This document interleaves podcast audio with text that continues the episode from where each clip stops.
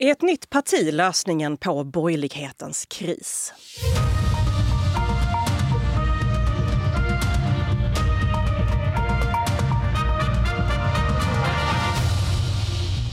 Välkomna till Politikrummet, Expressens nyhetspodd om svensk politik. Idag med mig, Karin Olsson, som programledare. Men med mig här i studion har vi politikreportrarna Anette Holmqvist och Thomas Nordenskjöld. Hej! Hej, hej! Hallå, hallå! Ja, idag har ni med något riktigt spännande tycker jag. För att det tisslas och tasslas tydligen i vissa borgerliga kretsar om att starta ett nytt parti. Det här låter ju helt otroligt.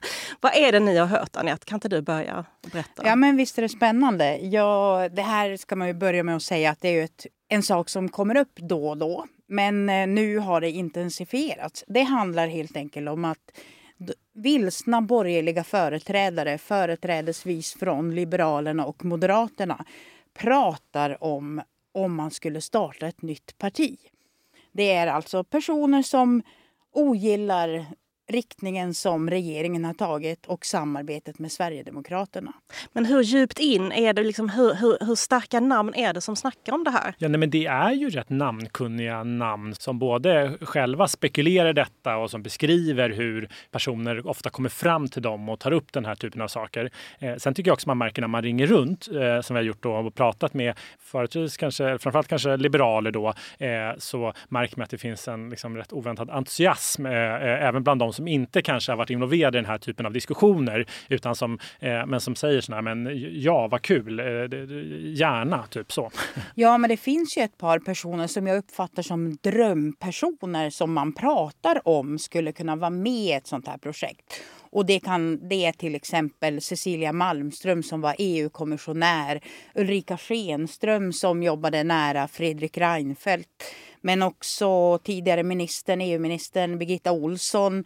Stockholmsliberalen Jan Jönsson. Det är den typen som tydligt har tagit avstånd från samarbete med Sverigedemokraterna som ofta kommer upp i de här sammanhangen. Det, det, det finns ju liksom flera av de där. Det, det är många rätt namnkunniga eh, liberaler som har lämnat. Det är ju rätt speciellt med de här som ändå, ja, men Bengt Westerberg, nu kanske han inte är en av de som skulle vara med och kunna starta ett nytt parti, men det är ändå sådär, eh, men Birgitta Olsson och Just Cecilia han, han sa att han skulle rösta på Centern. Ja, men han är inte, ja. och, och, jag menar, Cecilia Malmström har gått ut och sagt att hon är inte medlem ens i Liberalerna längre. Birgitta Olsson, eh, nej, men hon har väl också lämnat. Eh, Jan Jönsson är kvar och liksom är väl den starkast lysande stjärnan då av den här som tillhör vänsterfalangen. Men det är ju det är runt om det pratas och det är ju det krävs nog också för att det här ska kunna liksom, skulle kunna vara aktuellt så krävs det väl att det liksom är någon form av politisk stjärna som, eh, som, som skulle göra detta. Men, men sen är det ju rätt många också när man ringer runt som säger så här, ja det pratas mycket, men som ändå säger att ja, det är mer liksom, liksom, ja, det är liksom mer surr kring detta. Men det är liksom ändå det som är lite roligt är att det är, som, det är lite större entusiasm kring det tycker jag än, än vad det har varit tidigare. För att det är liksom Liberalerna när de tog sitt vägvalsbeslut, eh, då startades det ju sådana Facebookgrupper och det pratades om det, men då var det mer underifrån, det var lite gräsrötter, men då fanns det ju inte någon, det var liksom ingen som var beredd att liksom kliva fram och säga att eh, nu gör vi det här, någon stjärna. Och det vet jag inte om det gör det nu heller, men det är nog, det är nog en förutsättning. Så, så de som när de här drömmarna då, det är personer som inte gillar eh, Tidöavtalet och det samarbetet. Att de, de, de vill ha en annan borgerlighet som, som, som säger nej till SD. Det är den typen av personer som det här handlar om. Någonstans är det väl här liksom ett uttryck för, för, för den här liksom krisen inom borgerligheten. Alltså, man kan tycka att det är lite paradoxalt för att jag menar eh, den samlade, samlade borgerligheten, den forna liksom alliansen, eh, de samlar ju bara ungefär 25 procent av opinionen. Tre av partierna är under spärren. Jag menar, det är ganska trångt där om man skulle försöka tränga in ytterligare ett ja, parti. Ja, verkligen. Vi har redan ganska många partier i Sverige Sverige. Nej, men, men, det är väl också det, men det är väl någonstans ändå också den här krisen för borgerligheten som gör att, att det pratas eh, och att eh, liksom, inget av de här partierna lyckas ju riktigt eh, fånga upp eh, de här väljarna. Många av de här väljarna är ju idag som de då vill vinna tillbaka är ju Socialdemokraterna och Magdalena Andersson. En stor förklaring till att den här diskussionen ens kommer upp, det är ju precis det här med opinionsläget. Liberalerna och Kristdemokraterna ligger under eller pendlar kring riksdagsspärren. Moderaterna backar och tappar. Och då funderar människor, hur länge är Moderaterna beredda att eh, bjuda på stödröster för att rädda kvar sina kompisar? Och det är ju i den eh, myllan som det här uppstår. Men vänta, bara så jag hänger med här. Vi har ju redan Centern. Uppfyller inte de kriterierna för de här personerna? De hade kanske kunnat göra det, eh, men eh, alldeles uppenbart så lyckas de inte fånga upp de här väljarna idag. Eh, och, men, men alltså både Centern och Liberalerna, alltså vi har ju två partier, två mittenpartier varav det ena då har, eh, ingår i Tidösamarbetet och valt högersidan och det andra har valt eh, vänstersidan. Båda lite motvilligt. Ingen hittar ju riktigt sin roll. Eh, och Centerpartiet hade ju kunnat vara det här partiet, ett borgerligt vänsterparti som hade samarbetat vänsterut med, och, och kunnat fånga upp en del av de här väljarna. Och Annie Lööf gjorde väl det delvis, men eh, Demirok gör det ju definitivt inte. Ja, han kämpar ju ändå, ändå ganska hårt med att profilera sig som ett liberalt parti som, som säger nej till SD. Eh, lyssna bara på det här julklappsrimmet som han bjöd på på sin Instagram alldeles nyligen. Till Jimmy Åkesson. Grundlag hit och dit. Vad gör det när man kan så split? Regeringens ideolog Jimmy får av mig en inte helt oviktig grej. Reglerna som styr vårt land. Du kan väl läsa på lite grann? Mm. God jul Jimmy Åkesson. Jag undrar vad det kan vara. Ja, vad, vad kan det vara som Murrehem Demirok vill ge till Jimmy Åkesson? Ja, men det här lirar då alltså inte helt mot de här personernas önskningar om ett liberalt parti mot SD, som drar röda linjer mot SD. Precis. De här lockas inte, den här gruppen uppfattas inte som att de lockas av Demirok. De är osäkra på ja. hans riktning. Ja, och det, det, liksom, det, det en del säger är ju eh, i partiet är att eh, beskedet som han har gett i regeringsfrågan, även om han här håller på och vevar och har gjort det mer nu och skärpt tonläget mot SD eh, mer än vad han kanske gjorde från början, så är det beskedet är för mellanmjölkigt. Det han skulle behöva, menar en del i partiet, då, eh, ta klivet fullt ut och verkligen omfamna Magdalena, Magdalena Andersson. Eh, så. Men mm. problemet här för honom är ju att han har han valdes med ett svagt mandat. Det finns ju, den, finns ju en stark intern opposition i Centerpartiet, precis som att det finns en stark intern opposition mot Johan Persson och Liberalerna för deras samarbete högerut så finns det en intern opposition i Centerpartiet eh, som ju vill snarare att Centerpartiet ska byta sida och gå högerut. Så de är eh, splittrade? Ja, men de är det. Och runt mm. Elisabeth Thand Ringqvist till exempel, som väl kanske är den som framför allt, ja, men hon utmanade ju honom och ville ta över då eh, och finns ju där någonstans i bakgrunden. Och, eh, när man, är, eh, man kan ju inte vara helt säker eftersom det går så pass dåligt ens att eh, Demirok skulle sitta över nästa val. Det finns ju inget i dagsläget som tyder på att han kommer avsättas, men om man skulle göra det så den opposition som finns vill ju snarare föra partiet högerut. Då blir det lite osäkert, lite sådär, eh, han, han vågar inte ta steget fullt ut som ja, de skulle förstå. behöva ta och då har han svårt att... Men, eh, men det här med att starta ett nytt parti, det är lite fascinerande att ens surras om detta. För vi vet ju hur svårt det är att dra igång ett sånt och faktiskt lyckas komma in i riksdagen.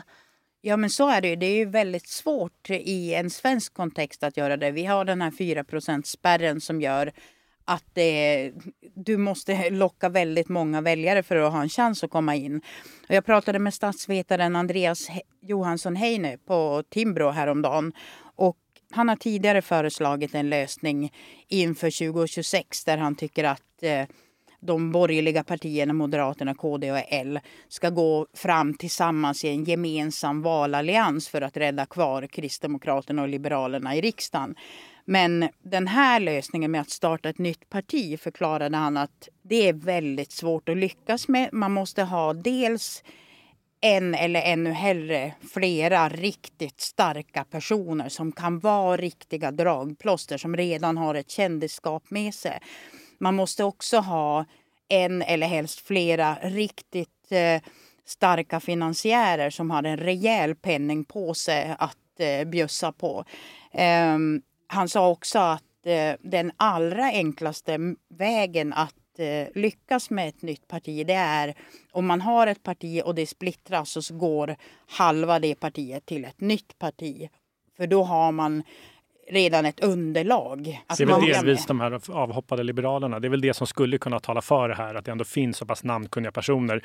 Sen kan man diskutera då, Cecilia Malmström till exempel, är hon tillräckligt mycket av en stjärna för att samla? Alltså hon är ju en stjärna inom Liberalerna och de fullkomligt avgudar henne. Man har ofta sagt att skulle hon bara ha sagt att hon var intresserad av partiledarposten skulle hon få en direkt så eh, från någon som stjärnstatus. Men jag vet inte hur, hur liksom brett utanför de liberala eh, kretsarna där sträcker sig. Men, men alltså det, det danska exemplet är ju rätt intressant. Där har vi ju eh, Lars Løkke Rasmussen Jensen som startade ett, ett, ett, ett parti inför förra danska valet. Moderaterna heter de, inte sant? Precis. Ja, men I Danmark är det mycket enklare. Dels så har de en 2% spärr och jag tror idag de har en väldig vana av att ha många små partier. Jag tror de har 17-18 partier i Folketinget idag. Det startas ofta nya, eller hur? Precis. Och eh, det som var så spännande med Löcke Rasmussen det var ju att han, han var statsminister, han var partiledare för Vänstre. Han hoppade av och 2021 startade han det här nya partiet efter att ha haft någon slags nätlista där man diskuterade politik. Och då startade han nya Moderaterna, Moderaterne heter det väl. Med, eh, han tittade på Moderaterna i Sverige och framförallt det Fredrik Reinfeldt gjorde under Alliansen. Och på ett år lyckades han göra Moderaterna till ett regeringsparti. Så nu sitter han i regering tillsammans med Socialdemokraterna och sitt gamla parti, Vänstre. Han det... sitter där och inför blasfemilagar i Danmark. Som... Ja. Men det är väl det här, eh, kanske inte just det som svenska liberaler drömmer om, men det är ju just det man, liksom, man, man nämner och ser framför sig. Jag tänker på den här, det är lite som i danska serien Borgen med, vad heter hon, Birgitte Nyborg? Just det. Eh, som ju liksom, det var ju samma, lite samma sak där. Nej, men, det, men, men det som är skillnaden här är ju att han var, har varit statsminister och har, han är ju en av Danmarks absolut mest kända politiker. Så det är lite som att Fredrik Reinfeldt skulle komma tillbaka och starta ett ja, nytt parti? Precis. Anders Borg eller Fredrik Reinfeldt eller Carl Bildt eller någon i den, eh, så, eh, den kategorin nästan. Så att frågan är, men det krävs nog verkligen att någon, eh, att någon har den stjärnstatusen. En del nämner ju Jan Jönsson eh, som, är sådär, som ju inte alls är namnkunnig på det sättet, men han är ju, det finns någonting kring honom och flera, det finns en del som drömmer om att han ska också, vet jag, inom Liberalerna som pratar om att han kanske kan utmana Johan Persson inför nästa val i Liberalerna eh, och då ja, men det skulle ju då, eh, göra han det så behövs ju inte det här partiet. Men det, eh, ja, det behövs någon, eh, en stjärna så, säger många. Ja, men flera som jag har pratat med, de har faktiskt nämnt Birgitta Olsson som den där tänkbara stjärnan. Hon är ju en person med lyskraft och som faktiskt gillas eh, även från om man säger socialdemokrater. Många miljöpartister gillar henne också. Sådär. Hon är riktig vänsterliberal. Precis. Mm. Men apropå då politiska stjärnor, vi har ju faktiskt ett e- exempel i Sverige eh, med Gudrun Schyman som gick in i Feministiskt initiativ och försökte baxa in dem i riksdagen. Och hon hade också en, en, en viss eh, pengapåse då som hon hade fått med sig. Eh, låt oss lyssna på det här gamla minnet från 2010. Jag är medveten om att det här är väldigt mycket pengar. Det här är väldigt mycket pengar för väldigt många människor. Det är väldigt mycket pengar för mig, det är väldigt mycket pengar för oss i Feministiskt initiativ. Men i en valrörelse så är det som en droppe i havet. Det verkar som att folk blir lite förbannade. Är det verkligen rätt väg att gå? Jag tror att människor blir förbannade och jag hoppas att vi nästa tanke omkring det här. Att den ilskan ska övergå i en ilska över det tillståndet som vi har, nämligen att kvinnor diskrimineras. Det här gick ju inte hela vägen. Eh, trots det spektakulära PR-stuntet i Almedalen med att elda upp 100 000 kronor. Kanske ett av de mer utskällda i och för sig. Och ja, det fick mycket, fick mycket uppmärksamhet i alla det fall. Det fick ju väldigt mycket uppmärksamhet. Och om jag minns rätt så var det här så att hon fick de här 100 000 av en reklambyrå för att elda upp. Därför att en stor omfattande reklamkampanj kostar ju massor med pengar och kunde det bli mer uppmärksamhet än om man bränner faktiskt 100 000 kronor. Men hon hade ju dessutom en urstark finansiär bakom sig. Abba Benny Andersson gick ju in med jag tror om jag minns rätt första gången en miljon och sen om det var 300 000 till en omgång senare. Och ändå så lyckades ju aldrig Feministiskt initiativ att ta sig in i riksdagen.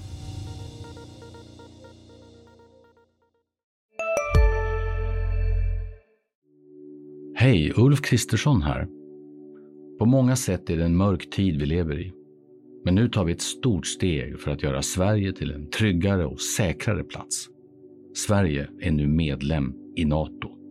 En för alla, alla för en. Vi är specialister på det vi gör, precis som du. Därför försäkrar vi på Swedea bara småföretag, som ditt. För oss är små företag alltid större än stora och vår företagsförsäkring anpassar sig helt efter firmans förutsättningar. Gå in på swedea.se företag och jämför själv.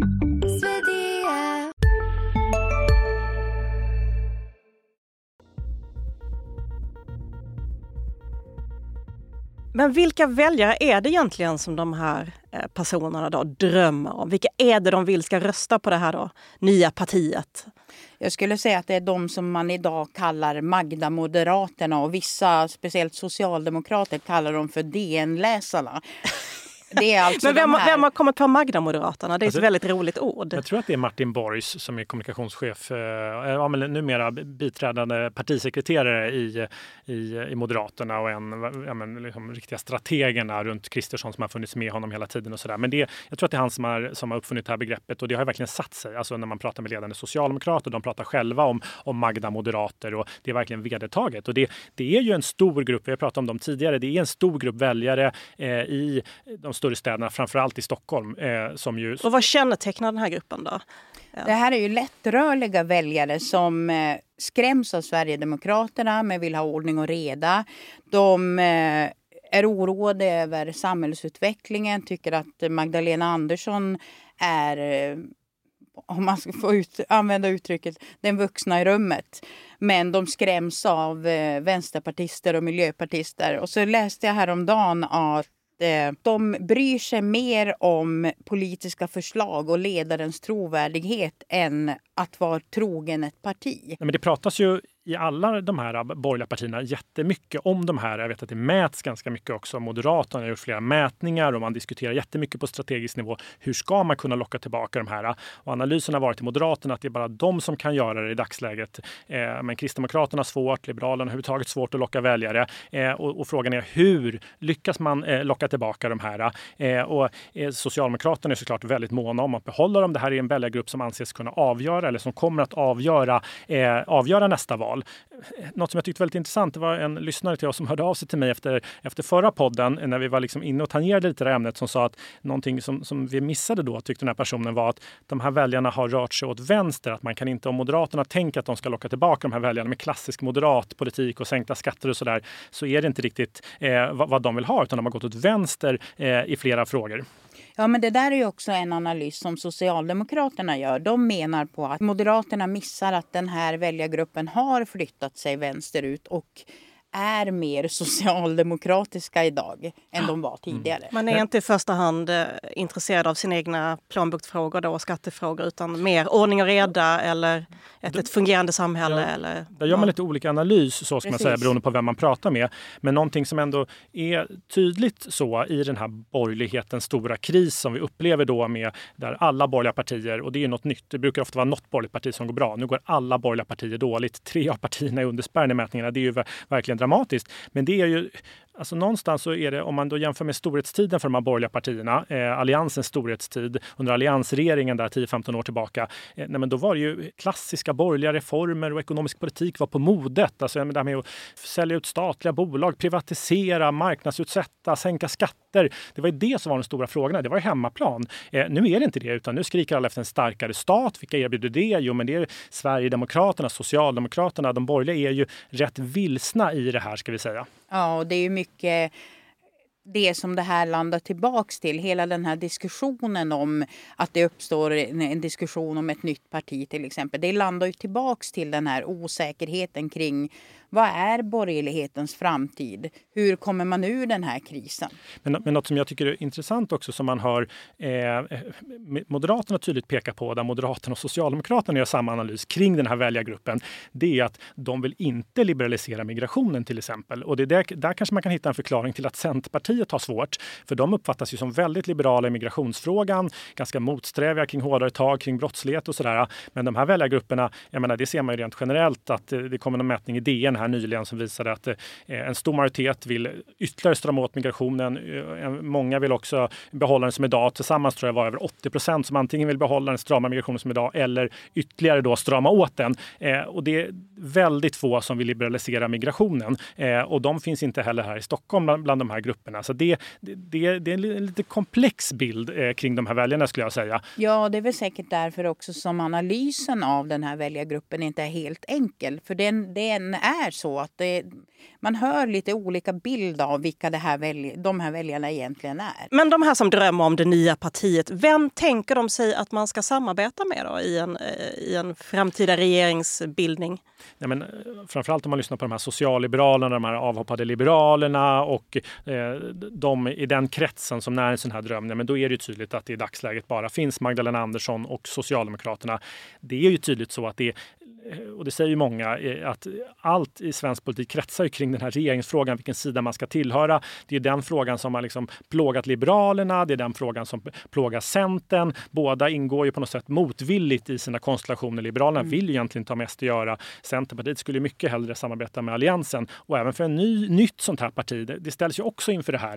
Det, det är liksom den grund, första frågan de måste svara på. Vilket ska vi tillhöra? Jaha, är det bara Socialdemokraterna då? Det blir ytterligare ett parti på den kanten. Det är någonstans där det, det, det kommer behöva mm. börja.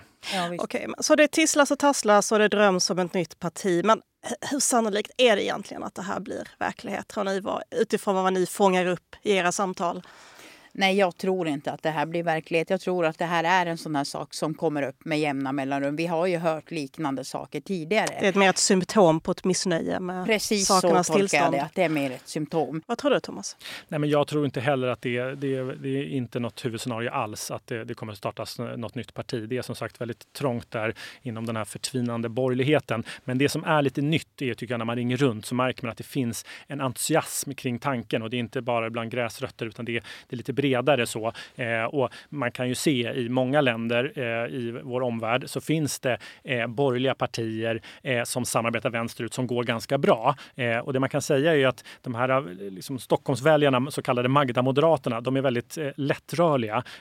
jag menar, de röstade på Fredrik Reinfeldt när det begav sig. Ett tag var de miljöpartister, nu är de socialdemokrater. Det var någon centerpartist jag sa som sa de är så otroligt trendkänsliga stockholmarna. De liksom, det är någonting som gäller. Just nu är Magdalena Andersson och Socialdemokraterna. som de också.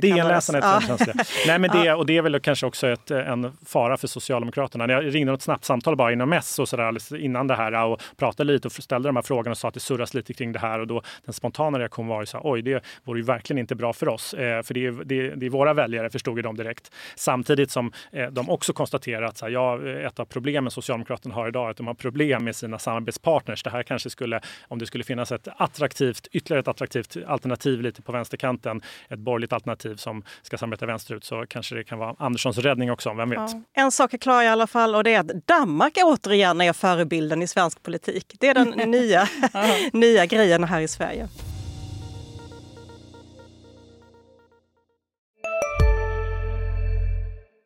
Hej, Synoptik här. Hos oss får du hjälp med att ta hand om din ögonhälsa.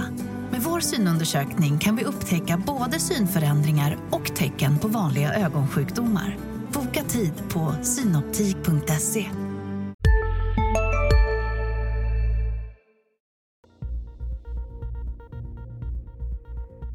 Nu får ni ursäkta en mycket enkel människa, men jag, jag skulle vilja prata lite om politikernas Nobelstasser. Eh, Anette, du är väl med mig här i alla fall? Ja. Absolut, jag tycker det är kul att kolla. Det måste jag säga. Eh, Thomas, eh, satt du bänkad eh, alltså framför jag, banketten? Alltså jag drogs lite motvilligt in i det måste jag säga. Det var väl via olika eh, pushar och det diskuteras olika kläder och hemma så var det, hörde man kommentarer om eh, har du sett Magdalena Anderssons eh, klänning? Och sen så satt jag där till slut. Ja, Säg som det är, det var jag som drog in dig ja. i det här. Jag... Ja, men vi smsade lite fram och tillbaka. Tvungen att fråga Anette, vad säger du om Magdalena Anderssons klänning nu? Ja, ni ser. Ja. Det, det, det, det, ytliga ska, ska inte föraktas i de här sammanhangen. Eh, själv så värmde jag upp med att se Damernas Världs ljuvliga lilla videoreportage om Ebba Buschs eh, samarbete med Camilla Thulin. Lyssna på det här. Jag tror du kände dig trygg hos oss och vi gjorde ett fint arbete. Och vi tyckte om Ebba. Det här är en jättefin kvinna. Henne fortsätter vi gärna med. Mm. Rolig, fin och lättsam. Och snygg. Tack snälla. Det är inte varje dag man får höra det. Och också lätt att sy till. Ja, rolig och fin och lättsam och snygg. Har man någonsin hört någon strössla lika mycket lovord över KD-ledaren. Nej, man måste ju säga att det låter som att hon vill göra om det här nästa år. 2,8 procent, eller vad låg de på opinionen senast? Ja. Men, min bedömning är faktiskt att det var högerkvinnorna som gjorde mest succé i år. Vi pratade ju här om borgerlighetens kris, men just på den här fronten så var det ingen kris.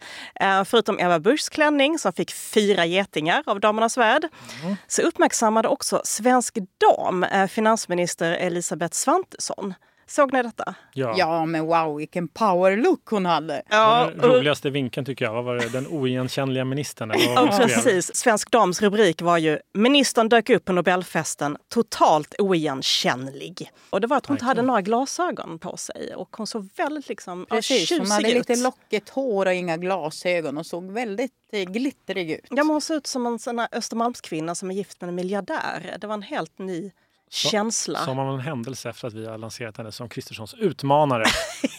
Precis. Eh, och vi kan också konstatera att eh, statsministerhustrun Birgitta Ed, hennes prästkrage, blev återigen ett samtalsämne. Eh, den kändes ganska given. Ja, de skulle ha den på sig. Alltså. Ja, verkligen. Eftersom man har det hela tiden. Men vänsterkvinnorna de hade faktiskt lite tuffare med det där mm. positiva genomslaget. Jag noterade att moderattjänstemannen Per Gudmundsson tidigare på Svenskan och Bulletin. Han la ut en bild på Magdalena Andersson och Nooshi Dadgostar och Märta Stenevi på X. Han la också ut det på Facebook. Eh, och det här utlöste ju en lavin av mer eller mindre misogyna påhopp. Uh, och det har ju verkligen varit en snackis i sociala medier. Och det stod ju, ja, vad stod det? Adams Family och Halloween och Askungens systrar och allt vad det var. Och jag, alltså jag tänkte, är inte det här också lite av borgerlighetens problem? Att de lite för ofta uppfattas som så här lite empatilösa gubbar ja, men, eh, på något sätt. Jag tror det ligger någonting i det där faktiskt. Att den där diskussionen har ju pågått flera dagar efter själva festen vad är det okej okay att säga egentligen? I sociala medier gick det ju så långt då efter Per Gudmundssons tweet att liberalen Robert Hanna eh, fick nog och eh, tog avstånd från de här skämten om de kvinnliga oppositionsledarna. Lustigt att han eh, får nog, för han annars är inte kanske känd för den med lägst tonläge. Men den här gången sa han ifrån i alla fall mm. och, berömde då Nooshis eh, klänning. Hon passar i rött, eh, skrev han på Twitter. Det var också lite, lite fyndigt. Och Magdalena Andersson hon kunde kanske också slicka såren lite för hon fick faktiskt 3 plus i Aftonbladet. Men gjorde också en jämförelse med Cruella de Vil. Eh, det är bara dalmatinerhundarna som fattas, skrev de. Och det var faktiskt inte heller så snällt om man ska vara, ska vara ärlig. Nej, det var det ju inte. Och det som jag reagerade på det var ju att hon var väldigt svart från topp till tå. Hon hade till och med svarta naglar. Det har man inte, i, i alla fall inte jag sett på henne förut. Nej, det var en väldigt vågad look, men, men kul att hon tar ut svängarna tycker jag. Och jag noterade också att eh, Annie Lööf lite längtansfullt la ut en bild från en gammal Nobelfest på Instagram. Eh, jag fick en känsla av att hon längtade tillbaka i alla fall till de festligheterna. Men vad skulle ni säga generellt? Uppskattar toppolitikerna att visa upp sig och, och, och få nästan klä sig lite till prins och prinsessa på den här Nobelkvällen? Eller är det ett ok för dem? Naturligtvis individuellt, men kan ni säga någonting om, om vad spelar det här för roll för dem? Ja, men alla gillar väl att gå på fest. Det gör väl även politiker. Men för dem så handlar det också om både att marknadsföra sig naturligtvis, att synas i ett viktigt sammanhang. Men det finns ju också hela den diskussionen som har varit kring just Nobel med Jimmy Åkesson som tidigare alltid nobbades och nu blev inbjuden lite med armbågen och då svarade med att eh, tacka nej och sa sig vara väldigt upptagen men han kunde inte specificera med vad. Och det var också eh, inför årets Nobelfirande så var det flera partiledare som hotade med att nobba festligheterna och det därför att eh, Nobel hade ju först bjudit in ryska ambassadören att delta vid prisceremonin. och iranska och vad det var. Ja, men ett eh, blocköverskridande bottennapp på Nobelfesten var i alla fall att männen på båda sidor har eh, för långa frackbyxor och inte knyter flugan själv och har fel längd på västen. Eh, det här blev ju också en snackis i sociala medier efter att högerskribenten Elias Nilsson påpekat detta i en mycket eh, uppskattad tråd. Det piggar upp. Med all rätt ska jag säga att männen får prova på. Kvinnorna bedöms ju varje gång. Verkligen. Eh, tack för idag säger vi nu i Politikrummet. Vi är tillbaka på tisdag för ett avsnitt till innan julhelgerna. Och glöm nu inte att ge Thomas och Anette era bästa nyhetstips. Tack för idag. Tack, tack. Tack så mycket.